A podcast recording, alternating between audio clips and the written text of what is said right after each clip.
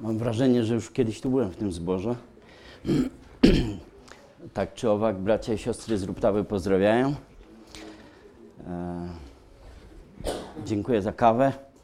Zborownicy się martwią, żebym nie zasnął w czasie kazania.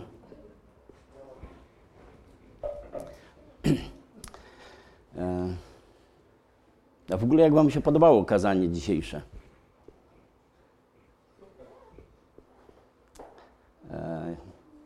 Jedna trzecia to był tekst, psalm przeczytany na początku. A druga trzecia to pieśni, które śpiewaliśmy. Mam nadzieję, nie bezwiednie. A teraz jest trzecia, trzecia, trzecia, trzecia, ten najdłuższa trzecia. E, Ale myślę, że ważna. Myślę, że. No w ogóle nie wiem, czy pamiętacie, ostatnio jak tu byłem, e, też był na początku przeczytany tekst. Ja sobie myślę, szok i niedowierzanie. To jest ten jeden tekst, którego nie zamieściłem w planie czytania do kazania, które miałem wygłosić. Ale on mówił o tym, o czym mówić mieliśmy. I dzisiejszy mówi o tym, e, o czym mówić mamy. I też pieśni, jeżeli, szczególnie te początkowe, one prowadziły nas w tym kierunku, mm, w jakim chcemy iść w czasie, w czasie tego kazania. Bóg jest ucieczką naszą. Bóg jest siłą naszą. Bóg jest pomocą w utrapieniach najpewniejszą. Bóg jest naszą siłą. E, Bóg jest tym, który sprawia, że bezpiecznie mieszkasz. Kiedyś do szkoły w Ruptawie przyszła mała dziewczynka do pierwszej klasy z wierzącej rodziny. Oni nie, nie mieszkali w Ruptawie, ale, ale szkoła miała dobrą opinię. Kiedyś planowali się do Ruptawy przeprowadzić. Dowiedziałem się od znajomych, że ta dziewczynka e, zacznie chodzić do pierwszej klasy i mówię do mojego syna, który w tym czasie szedł już do szóstej. Ja mówię, posłuchaj, tam przyjdzie taka dziewczynka, tak i tak ma na imię. E, ona będzie się czuła taka obca. E, ja wiedziałem, o czym mówię, bo ja też kiedyś przyszedłem mm, z tym, że no, nie do pierwszej, tylko już do szóstej klasy. E, Przeprowadziliśmy się z rodzicami z Katowic do Ruptawy i, i było wszystko nowe i obce i nikogo nie znałem. Ja znam to uczucie, co, co to być takim, takim, takim obcym, nie- nieznanym, czasami nawet nie, nieakceptowanym. Ja mówię, zajmij się tą dziewczynką. E, Jak będzie przerwa, podejdź do niej, żeby się czuła bezpiecznie. I, I potem już wszyscy wiedzieli, że ta dziewczynka ma bodyguarda w szóstej klasie i no, nikt jej nic przykrego nie mógł zrobić, nie? Wszyscy wiedzieli, no z nią to uważaj, bo ona ma kolegę w szóstej klasie, a szósta klasa to wtedy warownym grodem jest nam Bóg Jakuba, nie? I, i ona mogła czuć się bezpiecznie. I myślę, ten psalm dzisiaj do nas mówi, bracia i siostry, e, poczujmy się bezpiecznie. No ale jest jakiś powód, żeby, nie czuć, żeby poczuć się bezpiecznie? No bo jest mnóstwo, żeby nie czuć się bezpiecznie. Jest mnóstwo powodów, żeby, e, żeby żyć w strachu, żeby, żeby się bać. Na każdym kanale do nas krzyczą: bój się, bój się, bój się, bój się. A jak już nie masz się czego bać, jak już nawet wirusa się nie boisz, bo się oswoiłeś, to chociaż tego, co na Ukrainie się dzieje, to się bój, ale się bój. Bo po to tu żyjesz, żebyś się bał. Wstajesz rano po to, żeby się bać i idziesz do łóżka po to, żeby dalej w tym strachu żyć.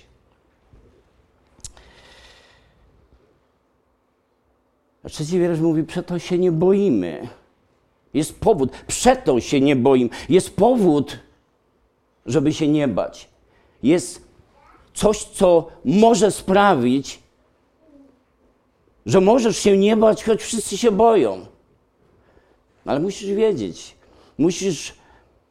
Ja sobie tak myślałem, no, e, ta dziewczynka miała kumpla w szóstej klasie i to już było wow, ale gdyby w tej szkole na przykład jej ojciec był dyrektorem, to możecie sobie wyobrazić, jakby rosło to jej poczucie bezpieczeństwa. Hmm. Wiecie, kto jest dyrektorem w naszej szkole, w której jesteśmy? On jest warownym grodem. Nic ci nie grozi. Boże Słowo od początku do końca mówi: nie bój się. Na każdy dzień nie bój się. Na każdy dzień Twoje włosy na głowie są policzone. E, wróbel może wart jest tyle co dwa grosze, ale żaden nie spadnie na ziemię bez woli Bożej. Kogo to obchodzi? Po co to jest napisane? Żebyś wiedział, że wróbel przypadkiem nie spadnie na ziemię. To jest napisane dla ciebie i dla mnie, żebyśmy wiedzieli, że nie musimy się bać. Żebyśmy wiedzieli, że naszym życiem nie zarządza ślepy los, że możesz się poczuć bezpiecznie, tak jak ta dziewczynka, która przyszła na obcy teren, do nowej szkoły i była mała, a wszyscy wokół niej byli więksi i nie miała nikogo znajomego. Ale był ktoś, kto był dla niej, kto sprawił w niej, w jej życiu, w jej umyśle, w jej sercu poczucie bezpieczeństwa.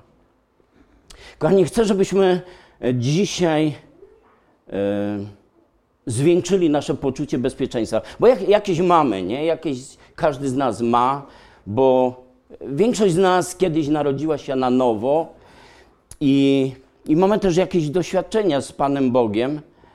E, cieszyłem się z tego jednego świadectwa, które Alicja powiedziała.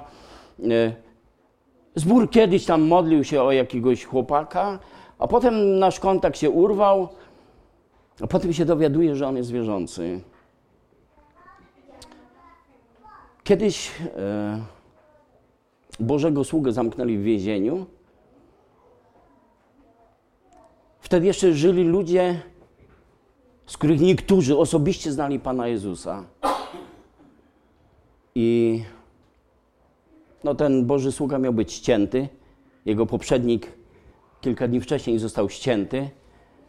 I Piotr został zamknięty, żeby być ścięty, bo to się tłumowi podobało. I Piotr tam siedzi, wie, że ma być ścięty. Mm. Siedzi na tym krześle, drży całą noc i sobie myśli, co to będzie rano, co to będzie rano. I tak siedzi, czwarta nad ranem, on nie może zasnąć i myśli sobie, co to będzie rano. A wy się nie buntujecie? No tak tam nie jest napisane. My wszyscy wiemy dobrze, że przyszedł anioł, a Piotr tak spał, że anioł go musiał trącić, żeby go obudzić. Mówi, Piotrze, zbieraj się do roboty. Piotr ciągle myśli, że, jest, że to jest widzenie. W końcu uświadamia sobie, co się dzieje. Ale jest napisane w tym rozdziale, że zbór, że pierwszy kościół, że ci gorliwi, ci, którzy wiedzieli, że Jezus Chrystus jest wczoraj, dziś ten sam i na wieki, ci, którzy, e, jak to Jan mówi, na co patrzyliśmy, co widzieliśmy, czego nasze ręce dotykały. No Jan wie, wie, o czym mówi. Jego ręce dotykały Zbawiciela, wspierał się na jego piersi, był blisko. I teraz ten pierwszy gorący, gorliwy, niezwykły Kościół jest zgromadzony. Oni się modlą, przez całą noc się modlą. Piotr przychodzi, puka, puka. Tam nie ma komu otworzyć, bo nikt nie wierzy w to, że Piotr przyjdzie, nie? E, wiecie, jaki komfort dało mi myślenie o tym rozdziale? Zostałem poproszony całkiem niedawno e, o modlitwę o chorego, a miałem świeżo w głowie tą, tą historię. I sobie myślę tak, jeżeli pierwszy Kościół miał takie problemy, a Pan Bóg był dobry i łaskawy i miłosierny i odpowiedział. E, Piotr ciągle puka, dziewczynka czy dziewczyna tam przyszła nadsłuchiwać, no wiecie, strach, dopiero co jeden z naszych braci został ścięty, ona idzie nadsłuchiwać, Piotr się odzywa, ale ona nie otwiera drzwi, ona, ona jest w zamieszaniu, ona nie wie co zrobić, Mm, wraca do braci i mówi, Piotr stoi u drzwi. Wiecie, co oni powiedzieli? Oszalałaś. No my wierzymy w cuda, no ale nie aż takie. Oszalałaś. To, no, może jego duch, może anioł, może cokolwiek, ale nie Piotr. I siostry, czasami nam się wydaje, no, modliliśmy się o kogoś, a potem już zapomnieliśmy, że się modliliśmy o kogoś, ale Pan Bóg nie zapomniał. Wiele może usilna modlitwa sprawiedliwego. Otwórzmy Księgę Sędziów, rozdział szósty, a może piąty najpierw, piąty. I ostatnie zdanie piątego rozdziału brzmi tak. I miała ziemia spokój przez 40 lat.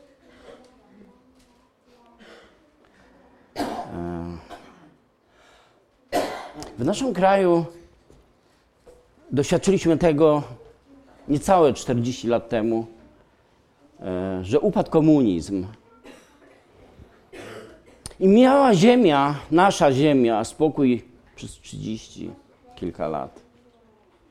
Bracia i siostry, spróbujmy przez chwilę się skupić, nie rozpraszać, nie, nie, nie, nie, słuchać tego, co się dzieje, ale zastanowić się. Te 32 lata, czy ile tam minęło od upadku komunizmu, te, te 32 lata, o których mówimy, 32 lata względnego spokoju, spokoju. Albo nawet gdybyśmy wzięli od II wojny światowej, 70 lat względnego spokoju. Jak przeżyliśmy te lata, jak przeżyły nasze rodziny, czym się zajmowaliśmy, co było celem naszego życia, sednem naszego życia, e, tym, co wypełniało nasze życie. Dobrze ten czas wykorzystaliśmy. No ja wiem, że jak mówimy o 70 latach, to ja sam nie wiem o czym mówię, bo nie żyję tyle na tym świecie. Ale jeżeli już mówię o tych 32, to wiem o czym mówię. Przeżyłem te 32 lata. I pytam się, bracie i siostro, jak wykorzystaliśmy, ty i ja, wasz zbór i mój zbór, jak wykorzystaliśmy te ostatnie 32 lata? Tu jest napisane, i miała ziemia spokój przez 40 lat. Co ci ludzie robili przez te 40 lat? E, służyli Bogu żywemu i prawdziwemu? Byli gorliwi? Mając w pamięci czas komunizmu, czy my jako Kościół, my jako bracia i siostry e, robiliśmy wszystko, żeby było inaczej, żeby, żeby czas wykorzystać, żeby e, Słowo było zwiastowane? Wiecie, nie zawsze było tak w komunizmie, że można było pojechać na Giszowiec, że można było wyjść na scenę, że można było powiedzieć każde świadectwo, że można było powiedzieć kazanie jak w kościele. I ostatnie mm, dwa razy na Giszowcu to miałem chwilami wrażenie, że jestem u siebie w zborze na nabożeństwie. Atmosfera, słowo, pieśni, wszystko jak w zborze. E, te 32 lata względnego spokoju, który Pan Bóg nam dał, to był czas, w którym mo mogliśmy zrobić o wiele więcej niż w czasach komunizmu. Jak wykorzystaliśmy te 32 lata? Czym one dla nas były? Hmm.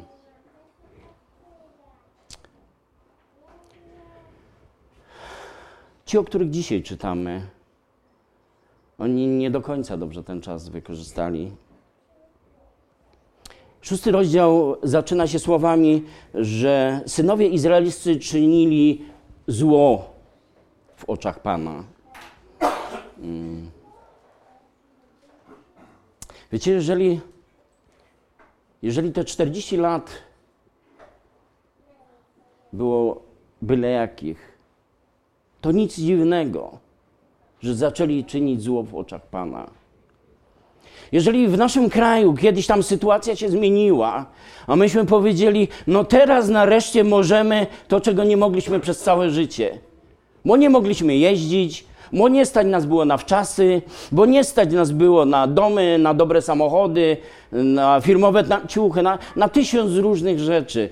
I ja wiem, że po tym czasie wielu poszło w tą stronę, żeby nareszcie dożyć, nareszcie doświadczyć, nareszcie przeżyć czegoś, co dla nas wcześniej było niemożliwe. A wiecie, że Pan Jezus uczy nas tego, że nasze królestwo nie jest tego świata? Że my nie idziemy w tą samą stronę, że my nie mamy takich samych celów, że my mamy inne priorytety, że czym innym powinniśmy się zajmować. Ja nie chcę powiedzieć, że jeżeli ktoś gdzieś pojechał, że zgrzeszył, ale ja chcę powiedzieć, że nie wszyscy ludzie w kościele, że nie wszystkie ewangeliczne zbory dobrze te ostatnie 32 lata wykorzystały. A teraz od dwóch lat mamy to, co mamy. Wiele rzeczy stało się niemożliwych, przyszło mnóstwo ograniczeń. Nawet jeden giszowiec się nie odbył. E, a co będzie teraz? Wszyscy patrzą na Ukrainę. Mm, co to powoduje w naszym życiu? Kiedy jednak patrzę na pierwszy wiersz szóstego rozdziału mm, i widzę, że owocem tego, co robili, myśleli, czytali, słuchali, e, doświadczali, było odejście od Boga. To ja chcę nas zachęcić do tego, żebyśmy takie rzeczy robili, żebyśmy e, takich wyborów dokonywali, żeby nasze wybory, żeby nasz sposób myślenia, nasz sposób postrzegania świata, żeby nas nie odprowadził od Boga, żeby nie było o nas napisane, no ale o nas nikt nie pisze. Nie? Tak? Jak to jest? Ktoś o nas pisze, czy ktoś o nas nie pisze? Pamiętacie, co jest w objawieniu napisane? Wszyscy pamiętają, szczególnie ci, którzy oglądali Bramy Nieba, Płomienie Piekła, nawet wczoraj w Ruptawie, to pamiętają, że tam wysoko jest Księga Życia. A wiecie, że objawienie mówi jeszcze o innych księgach? Objawienie nie mówi tylko o księdze życia. Tak, księga życia jest bardzo ważna. Bracie, siostro, przyjacielu, kimkolwiek jesteś, jeżeli Twoje imię nie będzie zapisane, zapisane w księdze żywota, nigdy nie znajdziesz się w niebie. To jest prawda, tak mówi Pismo Święte. A wiecie, co tam jeszcze jest napisane? Że księgi zostały otwarte. Co to za księgi? To są te księgi, w których zapisane jest Twoje i moje życie. A więc nie tylko okres sędziów jest zapisany, ale Twoje i moje życie. Każdy Twój krok, każdy Twój wybór, każde Twoje brzydkie słowo, wszystko jest zapisane w księgach. E, jest napisane, że zgodnie z tym, co tam jest zapisane, zostaliśmy osądzeni. A więc jest ważne, co tam w tych księgach jest napisane. Jest ważne to, co o nich jest napisane, bo my się na ich przykładzie uczymy tego, co robić, a czego nie robić. Jest bardzo ważne, żebyśmy dzisiaj nauczyli się kolejnej rzeczy. Co robić i czego nie robić. Jakich wyborów dokonywać. Żeby to, co o nas jest zapisane, żeby spowodowało to uśmiech na Bożym obliczu. Żebyśmy wiedzieli, że to, co robimy, podoba się naszemu Ojcu w niebie. Ojcowie, lubicie, jak wasze dzieci robią fajne rzeczy? Jak wasze dzieci są miłe, jak wasze dzieci są posłuszne, jak wasze dzieci ładnie sprzątają, jak wasze dzieci chętnie z wami idą za rękę. Nie. A nasz Ojciec w niebie nie? Jak bardzo to lubi. Jak bardzo sobie ceni każdą minutę, e, którą z nim spędzamy. Mm. Ale im coś nie wyszło. Chyba niedobrze wykorzystali te 40 lat. Pan Bóg im powiedział: Słuchajcie, tu jest taki kamień, tu jest taki pomnik, i te kamienie, pomniki i coś tam, one są zrobione, postawione, zbudowane po to, żeby przyszłym pokoleniom powiedzieć: Warownym grodem jest nam Bóg Jakuba. Nie musisz się bać. Gdzie to świat się boi, nie musisz się bać. To tam jedna z mam, która była wymieniona dzisiaj, powiedziała: I budzisz się, i ciągle strach. A do ciebie Pan Bóg mówi: Nie bój się, bo jestem z tobą. Nie bój się, nie zostawię cię i cię nie opuszczę. Nawet gdyby cię własna matka opuściła, cię nie opuszczę. Potem czynili synowie izraelscy zło w oczach Pana. Wydał ich więc Pan w rękę Midianczyków na siedem lat. A gdy się wzmogła przemoc Midianczyków nad Izraelem, poczynili sobie izraelscy, e, synowie izraelscy przed Midianczykami podziemne lochy w górach, jaskinie, warownie. I zdarzało się, że gdy Izrael zasiał, nadciągali Midianczycy i Amalekici i ludzie ze wschodu i napadali go.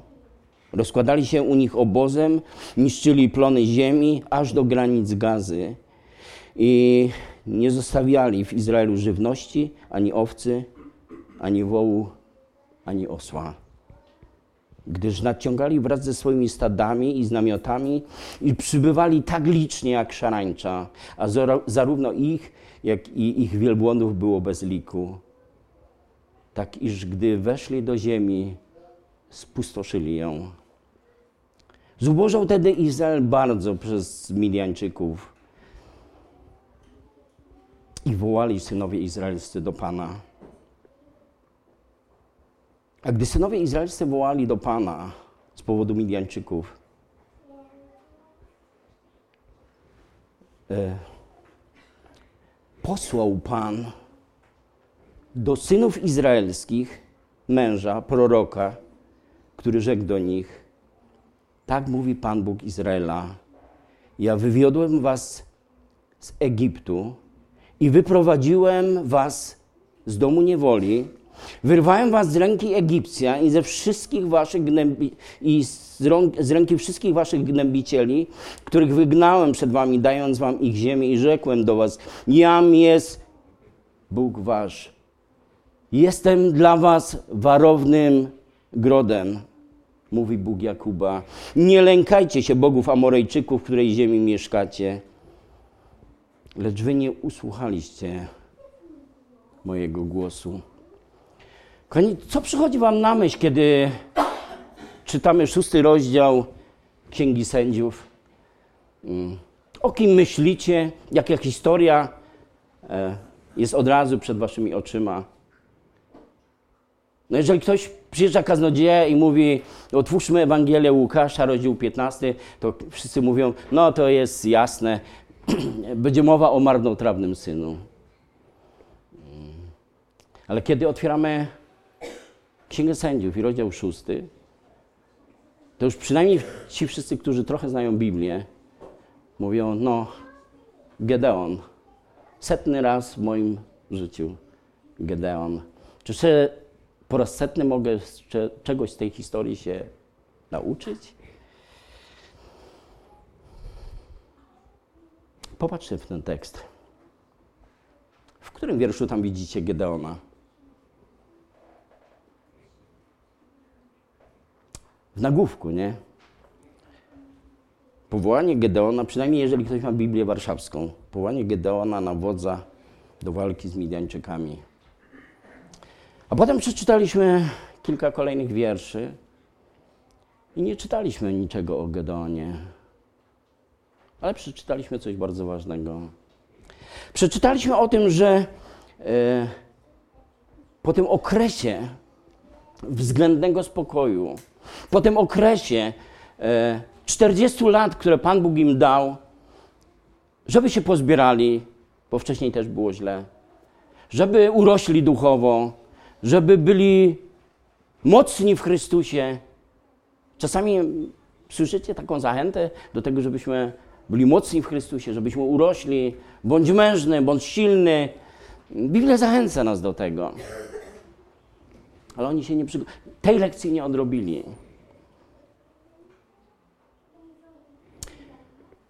Wtedy, kiedy Boży lud żyje jak nie powinien, kiedy Boże dzieci e, dokonują, dokonują wyborów, jakich nie powinni, chodzą dro, drogami, którymi nie powinni, e, naśladują tych, których nie powinni. Przychodzą Midianczycy. Jakkolwiek byśmy ich nazwali, e, diabeł posyła swoje wojsko. Czasami mówimy Filistyni, jeżeli chodzi o Dawida, e, Midianici albo Midianczycy, jeżeli chodzi o Gedeona, jeszcze inni w innych czasów, ale to zawsze ten sam wróg, szatan, diabeł, nieprzyjaciel ludzkiej duszy. I tu jest napisane, dlatego że czynili zło w oczach Pana, dlatego że złych wyborów dokonywali, że złymi drogami chodzili. Pan Bóg wydał ich w rękę Midianitów. I nie wydał ich dlatego, że ich nie lubił, nie wydał ich dlatego, że ich przekreślił, nie wydał ich dlatego, że skazał już ich na niebyt i nie chciał z nimi mieć nic wspólnego. Robił rzeczy w swojej trosce, miłości, w tej chęci wychowania. Mówił do nich wiele razy: Wychowywałem was przez proroków, mówiłem do was. Ale nie chcieliście słuchać. A wiecie, Pan Bóg w swojej dobroci. Niektórzy ludzie myślą, że Pan Bóg nie jest dobry. Niektórzy nawet mówią, że Pan Bóg nie jest dobry. Jak, gdziekolwiek bym tą Biblię otworzył, nawet kiedy widzę takie rozdziały, kiedy przychodzi Boży Sąd, to nie mogę się nadziwić, jaki Pan Bóg jest dobry, jaki jest łaskawy. Jak jedno przepraszam, topi całe jego ojcowskie serce. I kiedy zaczęli wołać do Pana, Bóg posłał proroka. Tak się zastanawiałem, ilu z nich w tym całym narodzie wtedy zauważyło tego proroka? Usłyszało tego proroka? Czy wszyscy w ogóle wiedzieli, że tam przyszedł prorok w tym czasie? No bo jak patrzymy na Gedeona, jak patrzymy na jego historię, jak patrzymy na rozdziały, które Gedeonem się zajmują i to wszystko, co Gedeon robi, i to wszystko, do czego Pan Bóg użył Gedeona, a użył, to sobie myślę, co się wydarzyło wcześniej. Ten krótki moment, zanim przyszedł Gedeon, albo długi, my tego nie wiemy. My czasami czytamy Biblię, czytamy wiersz trzeci, coś tam sobie myślimy, przychodzi wiersz czwarty, coś tam sobie myślimy, ale bladego pojęcia nie mamy że tam minęło 17 lat. Ja nie wiem, ile czasu minęło między prorokiem, który przyszedł, a Gedeonem, do którego później przyszedł anioł. Ale prorok przyszedł. A może do Twojego życia kiedyś ktoś przyszedł? Coś powiedział? Ale wydawało Ci się to takie jakby na marginesie takie, jakby mało znaczące, jakby za mało zaakcentowane.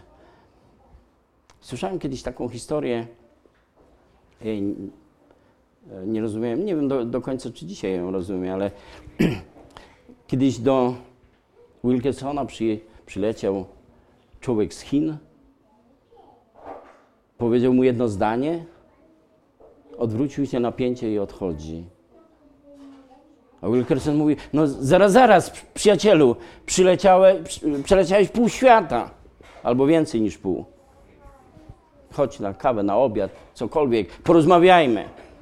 Nie, Pan Bóg mnie posłał, żebym ci powiedział to jedno zdanie. Odwrócił się i poszedł. Ja nie wiem, jak zrobił ten prorok. Ja nie wiem, czy zdarzyło ci się w Twoim życiu, że ktoś do Ciebie przyszedł, że przy, przyniósł słowo od Pana, ale w ogóle nie udało Ci się tego usłyszeć. Bo nie wszystko słyszymy, co Bóg mówi.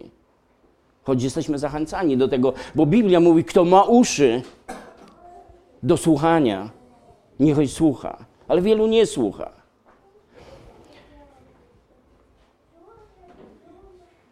Te wiersze, które są zapisane od wiersza ósmego do końca wiersza dziesiątego,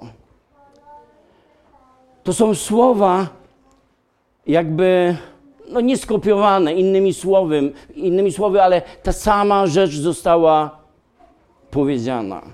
Warownym grodem jest nam Bóg Jakuba. Posłał Pan do synów izraelskich męża, proroka, który co do nich powiedział? Ja jestem Bogiem, który was wyprowadził z ziemi izraelskiej. Co to znaczy dla takiego Żyda, który został wyprowadzony z Egiptu po latach, już nie po 40, po 400 latach niewoli przychodzi Mojżesz, wyprowadza cały naród z Egiptu, prowadzi do ziemi obiecanej. Wiecie, co oni widzieli? Wiecie, co oni przeżyli? Wiecie, czego oni doświadczyli? Tego wszystkiego, co nam się w głowie nie mieści. Nigdy w życiu na własne oczy żeśmy tego nie widzieli i chyba nie zobaczymy. Widzieliście kiedyś, że zakładam, że część z nas była kiedyś nad morzem. Widzieliście kiedyś, że morze podzieliło się na dwie części? Jest, stoisz samym środ- na samym środku Bałtyku, nie wiem gdzie tam w Polsce jest środek, czy koło Gdańska, czy bardziej w prawo, czy bardziej, bardziej w lewo, ale stoisz tam nad tym morzem i nagle patrzysz, połowa wody idzie w tą stronę, połowa wody idzie w tą stronę, a ty masz przed sobą suchą autostradę. Możesz iść do Szwecji, Danii, gdziekolwiek. Widzieliście kiedyś coś takiego? No mi się te, te rzeczy w głowie nie mieszczą. Jak to się mogło wydarzyć? Takie nie, nie, nie do nazywania ilości hektolitry wody. Widzieliście kiedyś, że woda trysnęła ze skały? Widzieliście kiedyś mięso, które leci non-stop z nieba? Gotowe przepióreczki. E, a chleb z nieba? Pamiętacie? Przez tyle lat. Każdego rana oni nie siali, nie orali, nie chodzili do fabryk, a chleb z nieba leciał. Jeżeli przychodzi prorok i mówi w, w imieniu Boga, Jam jest Pan Bóg Wasz, który Was wyprowadził z Egiptu, z domu niewoli, to gdyby usiedli na chwilę i przypomnieli sobie te wszystkie rzeczy, a było ich mnóstwo, e, nawet procenta chyba nie wymieniłem, przez tyle lat, kiedy stanęli nad Jordanem, dokładnie to samo. Wody Jordanu się rozstąpiły. E, obchodzą Jericho. Na głos trąb mury takiej warowni runęły. Oni to wszystko widzieli, oni to wszystko przeżyli.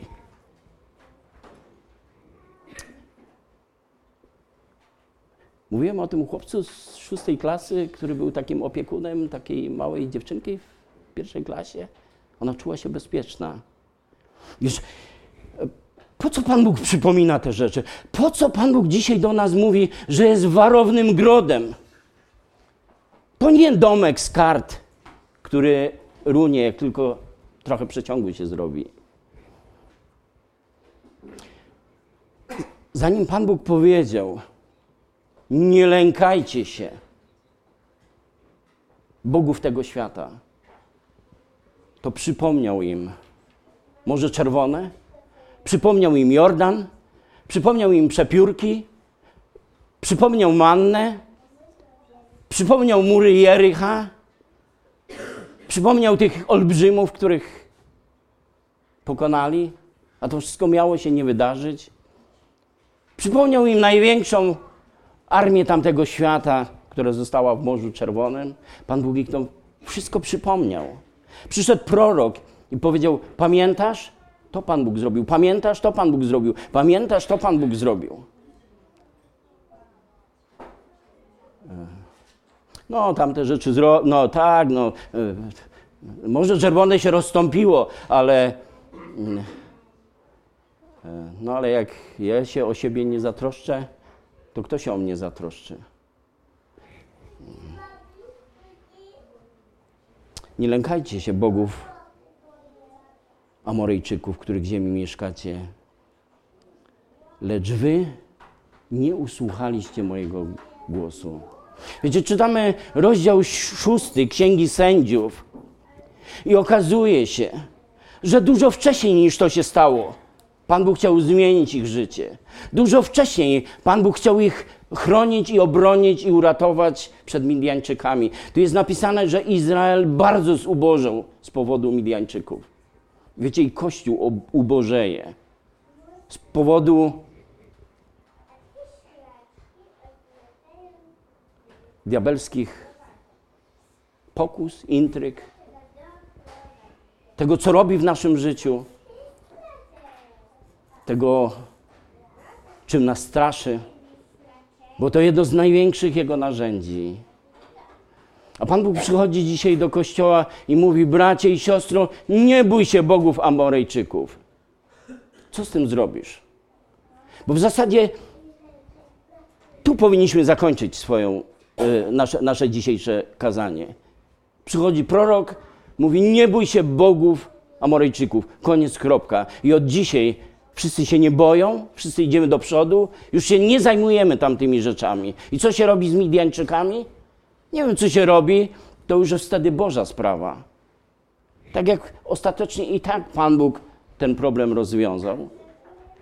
A wiecie, jaki jest problem, że tego nie posłuchali? Wiecie, jaki jest problem w tym, że nie usłuchali tego proroka? A nie usłuchali tego proroka, bo Pan Bóg powiedział: Nie bój się bogów Amorejczyków, ale oni dalej się bali. Oni dalej robili sobie lochy, oni dalej się ukrywali, dalej żyli w strachu. Pan Bóg mówi: Przecież nawet jeden włos nie spadnie na ziemi bez woli Bożej. No wiesz, Panie Boże, ale dzisiaj.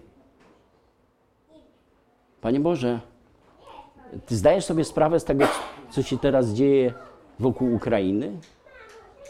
Panie Boże, ty, się zdaje, ty zdajesz sobie sprawę z tego, jaka jest sytuacja w moim zakładzie pracy? Panie Boże, czy Ty sobie zdajesz sprawę z tego, e, w jakim miejscu jest moja rodzina? Panie Boże, Ty sobie zdajesz sprawę z tego, jaki jest stan mojego konta? Wiecie, my werbalnie nie zadajemy takich pytań Panu Bogu, bo chyba nikt z nas nie ma odwagi. Praktycznie oni to robili. Pan Bóg mówi: Nie bój się, nie bój się, nie lękaj się bogów Amorejczyków. Ale oni się boją. I dlatego ci Midianczycy, dlatego to diabelskie narzędzie, to narzędzie szatana, którym jest strach w Twoim i moim życiu, zostaje z nami i z niektórymi zostaje na bardzo długo, a z niektórymi zostaje na zawsze. Bracie i siostro, Boisz się tego, co jest wokół ciebie? Czy mówisz sobie czasami, ja wiem, że mój odkupiciel żyje? Ty wiesz, pamiętasz, że twój odkupiciel żyje? Że on nie jest figurą z niektórych kościołów, które mają uszy, ale nie słyszą, mają oczy, ale nie widzą, mają usta, ale nie mówią. Czy twój, mój Bóg to jest Bóg żywy? Bóg, który ma wpływ na Twoje i moje życie? Bóg, który ma wpływ na to, czy zachorujesz, czy nie, czy umrzesz, czy nie, y, czy cię zwolnią z pracy, czy nie. A jak cię zwolnią, to co? A jak umrzesz? Wiecie, odwiedziłem znowu jakiegoś człowieka ostatnio. Człowiek wiele, wiele lat w Panu. Jedna rzecz zasmuciła mnie bardzo. Nie mogłem uwierzyć, jak bardzo, bardzo, bardzo kurczowo ludzie trzymają się tej ziemi. Mówi, no sędziwy już jestem, ale pożyłoby się jeszcze trochę. Kiedyś wam opowiadałem historię, e, gdzieś w Wiśle, czy gdzieś to się wydarzyło. Przychodzi taki dziadziunio już z czterema laskami, bo dwie mu nie wystarczyły. Mówi, bracia i siostry, ostatnio tak ciężko chorowałem. E, Jedną nogą już byłem w niebie, ale modliłem się i dzięki Bogu e, Pan Bóg przywrócił mnie wam. Ja sobie myślę, jak to jest możliwe, że ktoś jedną nogą był w niebie i chciał to wrócić? Wiecie skąd się to bierze?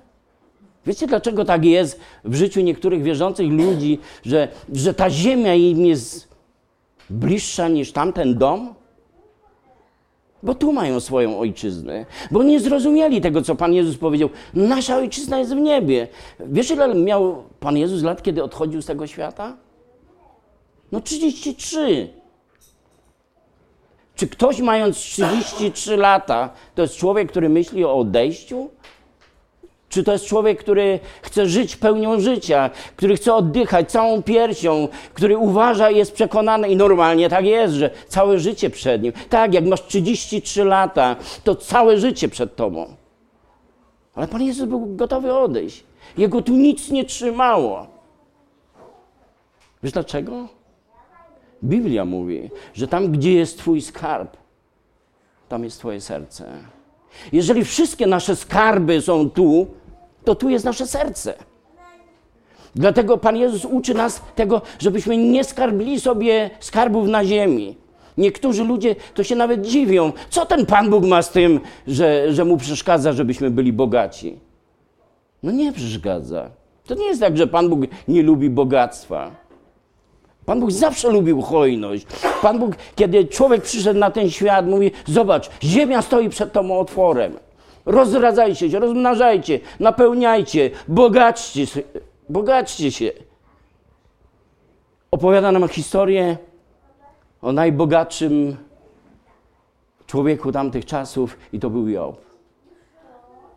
Najbogatszy człowiek wschodu tamtych czasów.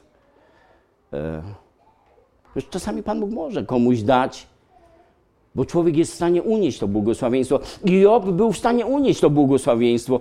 I serce Joba nie było w tym bogactwie, nie było w tych hektarach, nie było w, tych, w, tym, w tym bydle, e, pieniądzach, złocie czy czymkolwiek. Jak jednego dnia, tak naprawdę w ciągu 15 minut, pozbył się wszystkiego, to wiesz co powiedział, kiedy przysz, przyszli mu źle doradzać?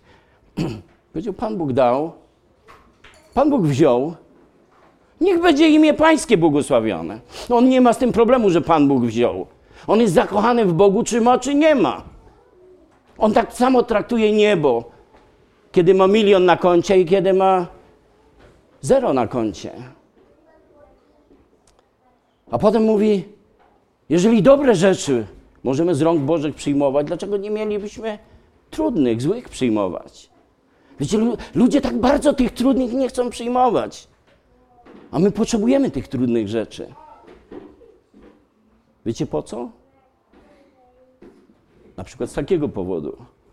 O Panu Jezusie jest powiedziane tak. Dlatego, że przeszedł przez cierpienia i próby, może dopomóc tym, którzy przez próby przechodzą. Ostatnio spotkałem się z jakimiś ludźmi, którym jest ciężko i, i, i jakby nazywają ten etap swojego życia doliną cienia śmierci. E, to mógłbym powiedzieć, wiesz, ja też wiem, co to jest wypadek samochodowy. Ja też wiem, co to jest to i owo stracić. Ja też wiem, co to jest otrzeć się o śmierć. Jeżeli Przychodzi człowiek, który jest w takiej dolinie, a ty możesz współczuć z jego słabościami. To już jest połowa sukcesu. Pan Jezus, dlatego że przeszedł przez cierpienia i próby, może dopomóc tym, którzy przez próby przechodzą. A ty dzisiaj przechodzisz przez cierpienia i próby, żeby nauczyć się pomagać tym, którzy przez cierpienia przychodzą. Nikt lepiej nie zrozumie człowieka, który jest chory, niż ten, który sam jest albo był chory. Natomiast chcę też powiedzieć, że to, że oni nie posłuchali głosu Pana, ja Was zachęcam, siebie zachęcam do tego, żebyśmy dziś usłuchali głosu Pana. A Pan mówi dzisiaj do nas, nie bój się, bo jestem z Tobą. Nie bój się zarazy, nie bój się żołnierzy, bo nawet jeżeli z jednej strony padnie tysiąc, a z drugiej dziesięć tysięcy, ciebie to nie dotknie. Bo masz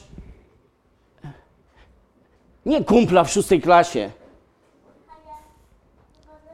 W tej szkole, w której jesteś, twój ojciec jest dyrektorem. Tam mu nikt nie podskoczy. Biblia nas uczy tego, że naszemu Bogu nikt nie podskoczy. On jest warownym grodem. To nie jest domek z kart. To nie jest ktoś, kto jest dla nas historią albo wspomnieniem z przeszłości. Dzisiaj musisz mieć doświadczenie Boga. Dzisiaj musisz wiedzieć o tym, że żaden włos Twojej głowy nie spadnie na ziemię bez woli Bożej. Ja się pytam, jeżeli Pan Bóg zajmuje się jednym głupim włosem, który nic nie znaczy, no może jak ktoś ma tylko jeden, to ten jeden coś tam znaczy dla niego. Dla mnie jeden włos nic nie znaczy. Ale Biblia mówi, że Bóg zajmuje się moimi włosami. A ktoś może powiedzieć, ale to jest głupie, co ty mówisz. No może jest.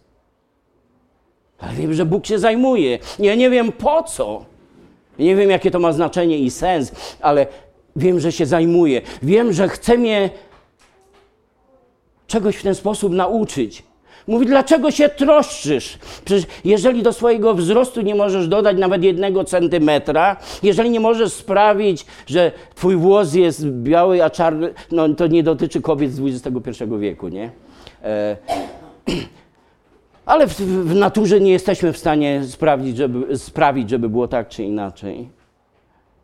Jeżeli takich błahych rzeczy nie potraficie, dlaczego martwicie się o wielkie? Nie wiesz, że jesteś wart więcej niż dwa wróble, czy dziesięć wróbli, czy tysiąc wróbli. Nie wiesz o tym, że jesteś źrenicą Bożego oka? Ty masz powiekę na swoich oczach? Wiesz, jak one reagują? Jak one się troszczą o, o, o źrenicę? Ty jeszcze w ogóle nie myślisz, ale one się zamykają, jeżeli przychodzi zagrożenie. Jesteście źrenicą Bożego oka. Jesteście warci więcej niż wszystkie wróble świata. Jesteście synami i córkami Boga Wszechmogącego. To dlaczego się boisz? Czego się boisz? Ty naprawdę nie wierzysz, że w Twojej szkole dyrektorem jest Twój ojciec? Ten, który Cię kocha bardziej niż swoje życie, bardziej niż swojego jednorodzonego syna? Nie wiesz o tym? Czy nie słyszałeś? Przestań się bać. Wiesz, przychodzi prorok i mówi: przestańcie się bać. A ludzie się boją. Wiecie, co się przydarzyło Adamowi i Ewie zaraz po tym, jak zgrzeszyli? Bali się. Pan mówi Adamie, przecież zawsze tu byłeś, gdzie jesteś? Schowałem się, bo się boję. Wiesz, dlaczego się boisz? Zrobiłeś coś, czego nie należało zrobić. Wiecie, nasz kochany przyjaciel Job. Lubimy go i szanujemy od początku do końca. Jest dla nas wzorem, świadectwem. On nas uczy tego, że gdybyśmy mieli serce jak on, każdy z nas mógłby być bogatym. Tylko nie potrafimy. Pan Bóg nie daje wielu z nas bo nie potrafimy unieść błogosławieństwa. A Job uczy nas no, praktycznie od pierwszego wiersza tej księgi aż do samego końca. To Pan Bóg o nim mówi, że Job mówi prawdę o Bogu, w przeciwieństwie do innych, wierzących przecież. Jedna rzecz jest smutna i trudna w tej księdze. Job powiedział tak – to, czego się bałem, to na mnie przyszło. Znacie to, cytujecie, widzę. To, czego się bałem, to na mnie przyszło. Dlatego w Biblii jest napisane na każdy dzień dla ciebie i dla mnie: Nie bój się, bo jestem z tobą. Nie bój się, bo cię nie zostawię i nie opuszczę. No ale co, jeżeli jeżeli będę się bał, to co? Nie będę zbawiony?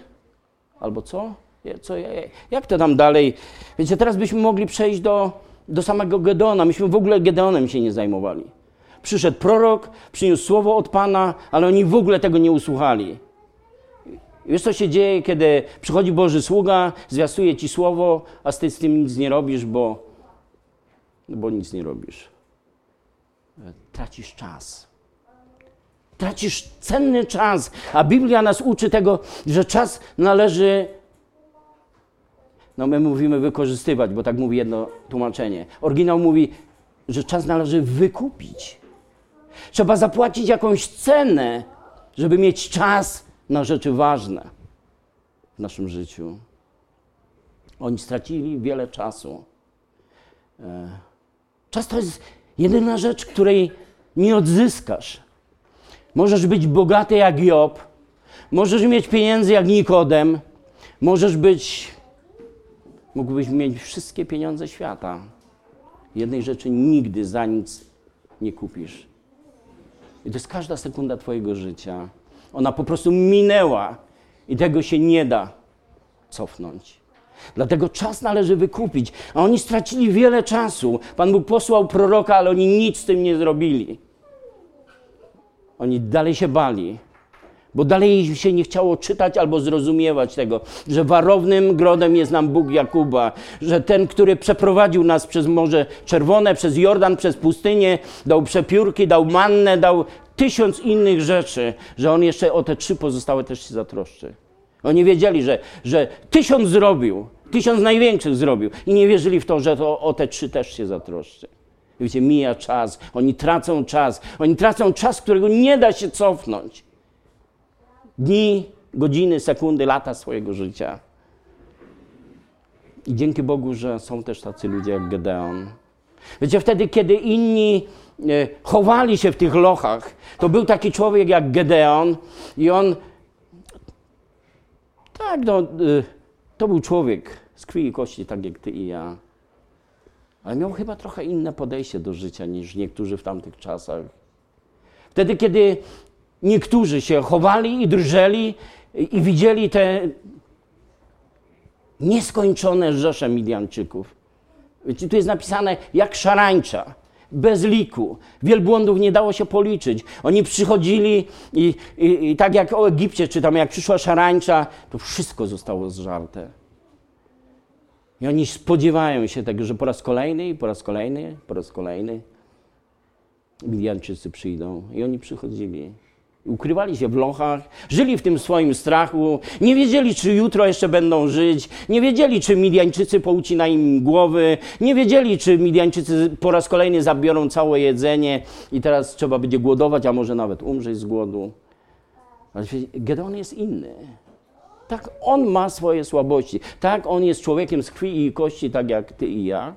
Ale on w tym czasie, kiedy inni narzekają, kiedy inni mówią, e, Pan Bóg nas opuścił, Bóg nas zostawił.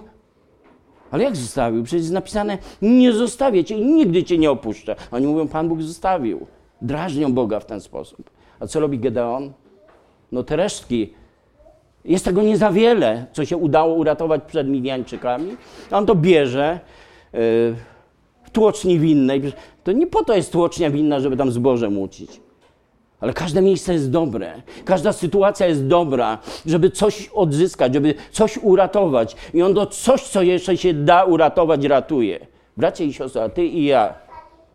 Pamiętacie, o jednej kobiecie w Biblii jest napisane, co mogła, to uczyniła. Ty że Pan Bóg nie chce od ciebie, żebyś stworzył kolejną planetę albo galaktykę, albo jeszcze coś tam? Ale to, co możesz, zrób. To, co możesz, daj z siebie. Bądź jak Gedeon, który bierze to niewiele, co było, ale muci, klepie tam tym swoim e, czymkolwiek. Bo na, na cepa to chyba tego było za mało. Może jakimś kijem te resztki pszenicy ale ratował to, co dało się uratować. I przychodzi anioł. Gdzie całe tłumy e, żyjących w strachu bezbożnych wierzących. Przepraszam za to słowo, ale przecież to naród Boży wybrany, Izrael. Nie? My nie mówimy teraz o poganach, my nie mówimy teraz o Midianczykach. My mówimy o Bożym narodzie wybranym, który siedzi, który trzęsie się ze strachu, który nic nie robi, tylko czeka, no może kiedyś Pan Bóg posłał z nieba mannę, to i teraz pośle. Nie, teraz masz, to nie jest pustynia. Teraz masz zadbać o swoje życie, o życie swojej rodziny, życie tych, którzy się ot- otaczają. I to właśnie do Niego, ze względu na je- Jego postawę, ze względu na Jego pracowitość. Bracie i siostro w Pszczynie, powiedzcie mi, widzieliście kiedyś w Biblii, żeby Pan Bóg przyszedł i powołał jakiegoś lenia do służby? Pamiętacie Elizeusza? Kiedyś tu byłem, mówiłem, przed, przed nim taki John Deere tamtych czasów. 12 zaprzęgów. Takie wzorcowe gospodarstwo. Do niego Pan Bóg przychodzi. Pan Bóg nie przychodzi do leni. Pan Bóg przychodzi do ludzi, którzy mają serce, którzy gotowi są coś zrobić i których w konsekwencji używa. Nie mogę już tego wszystkiego czytać, ale na kilka rzeczy na zakończenie zwrócę y, y, naszą uwagę. Pierwsza rzecz, kiedy już Pan Bóg powołał tego, tego Gedeona, i to nie było oczywiście łatwe, e, my po drodze dowiadujemy się tego, że i Gedeon się boi. Wiecie, my wszyscy jesteśmy ludźmi. I Gedeon się bał. Tak, on, rób, on robił to, co mógł zrobić. On chciał uratować to, co dało się uratować, ale kiedy e, przyszedł anioł i powiedział, ale najpierw trzeba skończyć tym bałwochwalstwem w domu twojego ojca. Gdzie może gdyby mu powiedział, w domu twoich dzieci byłoby łatwiej, ale idź do domu swojego ojca, żeby tam zburzyć to, co przez lata tam stoi. Ale to był pierwszy warunek, to był pierwszy egzamin do zdania. Wiecie, co tam jest napisane o Gedeonie? Że też się bał. Był człowiekiem tak jak ty i ja. Ale ten strach nie spowodował jego bezczynności. On się bał, poszedł w nocy, wziął przyjaciół, ale zrobił to. I my, nawet jeżeli mamy wątpliwości, nawet jeżeli patrzymy, że na, po prawej zginęło tysiąc, a po lewej e, 10, to ta jest prawa, po prawej 10 tysięcy. Mm. Ale Gedeon jest posłuszny. I kiedy już organizuje całe to wojsko, pamiętacie jaki jest pierwszy egzamin? Zebrało się 32 tysiące ludzi i Pan Bóg mówi, kto strachliwy, kto bojaźliwy, do domu. Wiecie, nawet jedna trzecia nie została. No może bardziej, z, nie, bardziej jedna czwarta, bo z 32 tysięcy zostało 10 tysięcy. Mm. Ale wszyscy, którzy się bali, poszli do domu. Czy przestali być Izraelitami? Czy gdybyśmy mówili dzisiejszym językiem, czy stracili zbawienie, bo się bali? Nie. Wiecie, ominęło ich to zwycięstwo, ta chwała. Tak, te 10 tysięcy to jeszcze nie są ci, którzy ostatecznie zostaną i osiągną to zwycięstwo, ale ten największy przesiew dotyczył tych, którzy się bali. Bracie i siostro, Pan Bóg dzisiaj posłał mnie tu z poselstwem: nie bój się, bo jeżeli będziesz się bał, jeżeli będziesz miał obawy, jeżeli będziesz miał wątpliwości, jeżeli jutro będzie dla ciebie jedną wielką niewiadomą, to co najpiękniejsze w Królestwie Bożym to cię ominie. Wiecie, to zwycięstwo nad niezliczoną rzeszą Midianczyków tak naprawdę potem przyszło przez 300 ludzi. Co za chwała, co za wywyższenie, co za. Zachw... Jakkolwiek byśmy to nazwali. E... Ale nikt bojaźliwy nie znalazł się w tej grupie. Bracia i siostry, my nie, ży- nie, nie, nie wiemy dokładnie, w jakich czasach żyjemy. My nie wiemy, co tak naprawdę się wydarzy. Nikt nie wie, Pan Bóg wie. Ale Pan Bóg mówi: Nie bój się. To ja cię wyprowadziłem z Egiptu, z domu niewoli. To ja sprawiłem, że wody Morza Czerwonego się rozstąpiły. To ja sprawiłem, że wody Jordanu się rozstąpiły. To ja sprawiłem, że przepiórki leciały z nieba. To ja sprawiłem, że leciała manna.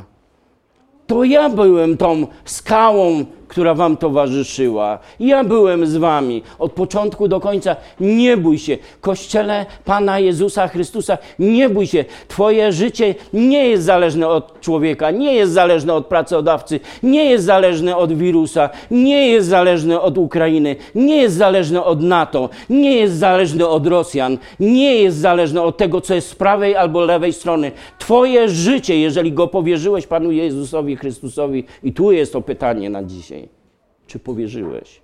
Jeżeli nie powierzyłeś, tak, to bój się, Bój się wstawać, bój się iść spać, bój się iść do pracy, bój się, że cię zwolnią, bój się w końcu, że pójdziesz do piekła, bo prędzej czy później tak się to skończy. Ale jeżeli powierzyłeś swoje życie Panu Jezusowi, to nie bój się. Nie bój się 1 stycznia, nie bój się pracodawcy, nie bój się Ukrainy, nie bój się Rosjan, nie bój się głodu, nie bój się utraty pracy. Nie zostawiłem cię i nigdy cię nie opuszczę.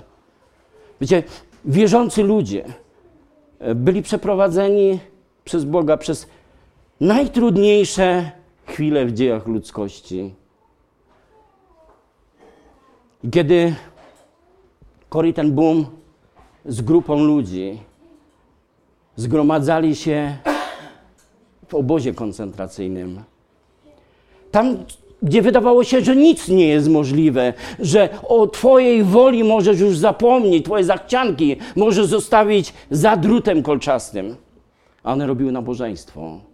I to, na co psioczyły do granic możliwości wszy, które, które zabierały ostatnią radość z ich życia, e, kiedy zaczęli dziękować Bogu za trudne rzeczy i też za wszy.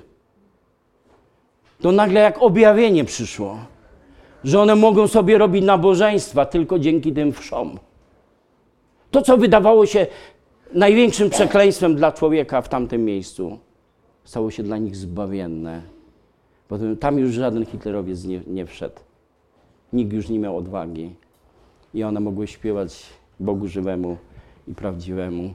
No mi się wydaje, że te trudne okoliczności życia, że one nas zniszczą, że one nas zrujnują, że zabiorą nam radość życia. Tak, jeżeli mamy niewłaściwą postawę, tak, jeżeli nie rozumiemy wszystkiego, tak, jeżeli zapominamy o tym, że Jezus Chrystus jest wczoraj, dziś ten sam i na wieki, to, i to On powiedział, że nas nigdy nie opuści, to w, też w tych trudnych chwilach naszego życia.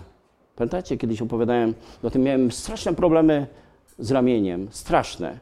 Ja nie spałem, moja żona nie spała. Ja mówię, Panie Jezu, budziłem się nieskończoną ilość razy w nocy. Panie Jezu, Ty wiesz, że mnie boli i bardzo Ci dziękuję za to, że mnie boli i niech boli tak długo, jak ma boleć, e, ale wiem, że Ty możesz może mnie uzdrowić, ale bądź wola Twoja, tak jak w niebie. I na chwilę zasypiałem, a potem się budziłem i w tym bólu mówiłem, Panie Jezu, Ty wiesz, że mnie boli, a ja wiem, że Ty mnie możesz uzdrowić, ale wiem, że nie musisz tego zrobić. Ja nie wiem, z jakiego powodu to przychodzi do mojego życia, ale bądź wola Twoja tak jak w niebie i na chwilę zasypiałem. I to trwało jakiś czas, a kiedyś się obudziłem rano i sobie myślę, o, chyba, chyba mnie nie boli. I tak sobie myślę, no ale przecież wczoraj też mnie nie bolało. Przedwczoraj też mnie nie bolało. Właściwie nie pamiętam, nie pamiętam od kiedy mnie nie boli przeminęło z wiatrem. Tylko postawę trzeba mieć właściwą. E, I nie wiem, z jakiego powodu Pan Bóg wtedy to nam nie dopuścił, ale wiem, że o Panu Jezusie jest napisane, dlatego że przeszedł przez cierpienia i próby, może dopomóc tym, którzy przez próby przechodzą. I kiedy dzisiaj rozmawiam z człowiekiem, który cierpi, to ja mówię, wiem o czym Ty mówisz. I kiedyś, kiedyś prawie umierałem z bólu. E, Moja lekarka pomyliła się, nie rozpoznała zapalenia opon mózgowych, na grypkę mnie leczyła i prawie umierałem z bólu. I dlatego, kiedy idę do człowieka, który cierpi, to ja mogę mu współczuć. Ja wiem, o czym on mówi.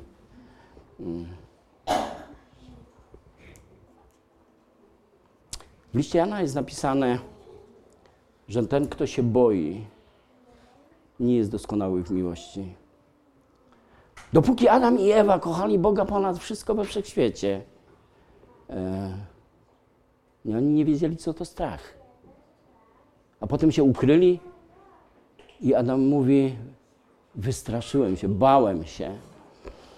A Jan kończy prawie Nowy Testament zdaniem: Kto się boi, nie jest doskonały w miłości.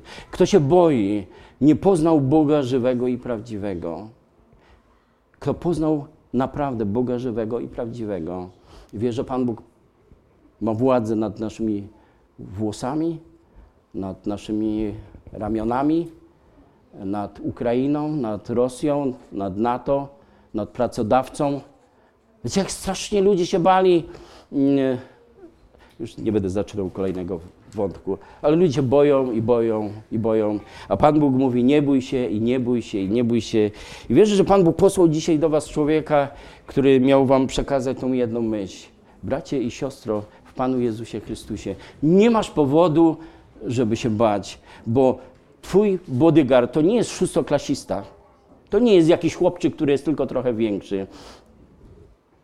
Twoim obrońcą, Twoim ratunkiem, Twoim wszystkim jest Bóg, Stwórca Wszechświata i ma władzę nad wszystkim i nad wszystkimi i nad każdą okolicznością, nad tym, co rozumiemy i czego nie rozumiemy. I niech Pan Bóg nam dopomoże tak myśleć, tak wierzyć i tak iść za Nim. Amen.